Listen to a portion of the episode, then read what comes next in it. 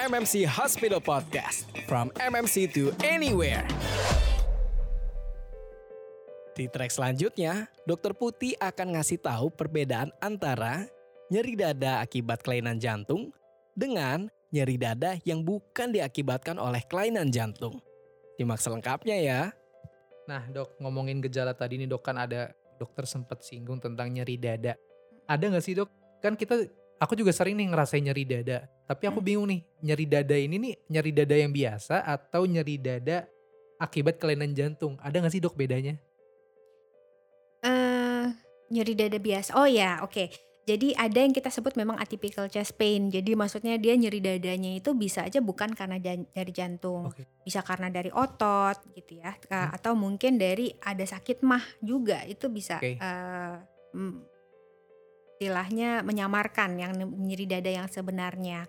Eh, yang khas ya, seperti saya tadi, sampaikan sebenarnya dia letak di belakang di- dinding dada Mm-mm.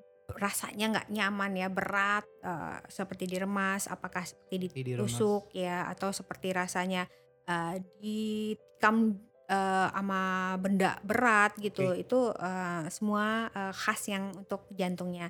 Tapi ada juga yang dia keluhannya nyerinya aduh kok kayak saya eh, nggak nyaman ya di dadanya. Tapi apabila dia raba atau dia eh, istilah pijit-pijit itu enakan. Nah itu kadang-kadang bukan sesuatu karena nyeri dada itu biasanya. Mungkin ada karena ototnya atau karena Oh. tulangnya seperti itu. Apalagi kalau yang nyeri dadanya jantung dia harus bila dibawa aktivitas makin nggak nyaman dadanya. Beda kalau kalau eh, eh, kalau bedanya kalau dari otot tuh ya di- disuruh naikin angkat tangan oh sakit dok ternyata gitu. Eh, atau dibawa aktivitas malah dia nyantai aja enggak kok dok biasa aja gitu. Oke berarti bedanya kalau nyeri dada biasa setelah kita misal setelah nyeri dada dan kita melakukan aktivitas biasa itu normal berarti itu nyeri dada biasa ya dok ya. Beda kalau nyeri dada akibat kelainan jantung makin sakit justru makin terasa seperti diremas seperti ketiban ben- apa beda Benda. beban berat ya dok ya. Mm-mm. Lanjutin dok. Kalau misal eh sama sih sebelum pertanyaan sebelumnya. Apa sih yang bisa kita lakukan untuk mengenali kondisi kesehatan jantung kita? Apakah kita juga udah boleh nggak sih dok kayak aku nih misalkan aku merasa masih normal, tapi aku langsung periksa aja nih ke, ke dokter spesialis jantung. Itu perlu nggak sih dok? Eh, sebenarnya sih perlu ya, apalagi kalau usia-usia dulu memang kita mengadut yang usia harus di atas 55 kita eh, medical check up. Ya. Tapi makin hari makin ke sini kita bisa mu- mundur tuh ke di atas 40 udah harus ada medical check up. Udah bergeser ya dok ya Udah umurnya? bergeser, ya. Nah, tapi kan memang kalau untuk di 30-an masih kita tidak anju- tidak terlalu menganjurkan oh harus untuk medical check up, tapi alangkah baiknya untuk dilakukan eh, medical check up tadi apalagi mengingat sekarang orang makin mak- usia muda banyak yang meninggal karena faktor tadi kan mereka merokok, Gaya hidup mereka ya, Dok, gaya ya? hidup dan segala macamnya. ha, ha. Jadi eh, alangkah baiknya untuk dilakukan medical check up tadi. Pertama itu adalah EKG. Minimal EKG dari itu ya, EKG ya? Boleh tahu nggak? nih, Eh? EKG itu rekaman jantung. Rekaman jantung. jantung. Di- eh, dia dilakukan eh, simple sih sebenarnya dimasuk eh, dipakaikan alat terus ditempelin eh, yang namanya em, apa alat untuk merekam EKG-nya tadi. Jadi nggak nyeri sih sebenarnya. Nah, dari situ nanti akan kelihatan tuh gambaran EKG itu adalah gambaran eh, listrik jantung kita. Gambaran kita listrik jantung. Ya, it- itu bisa kita deteksi untuk eh, apakah ada kelainan curiga kita ada eh, serangan jantung kan makanya eh, EKG diperlukan. Kemudian yang kedua untuk melihat ada apakah ada kelainan irama jantungnya tadi. Karena kan usia muda tuh sering juga ada irama jantung yang eh, timbul pada eh, usia muda tadi.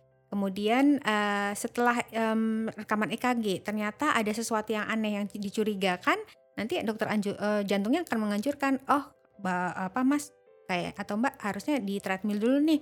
Ada curiga nih ada penyempitan tuh biasanya ya Berarti ada tahapan-tahapannya ada dok ya? tahapannya dan yang ketiga sih mungkin diperlukan juga emang USG jantung karena Jantung. eh, men- apa serangan jantung di usia muda itu bukan selain koroner eh, irama jantung ada yang namanya otot jantung ada kelainan kardiomiopati namanya Namanya kardiomiopati nih Metro.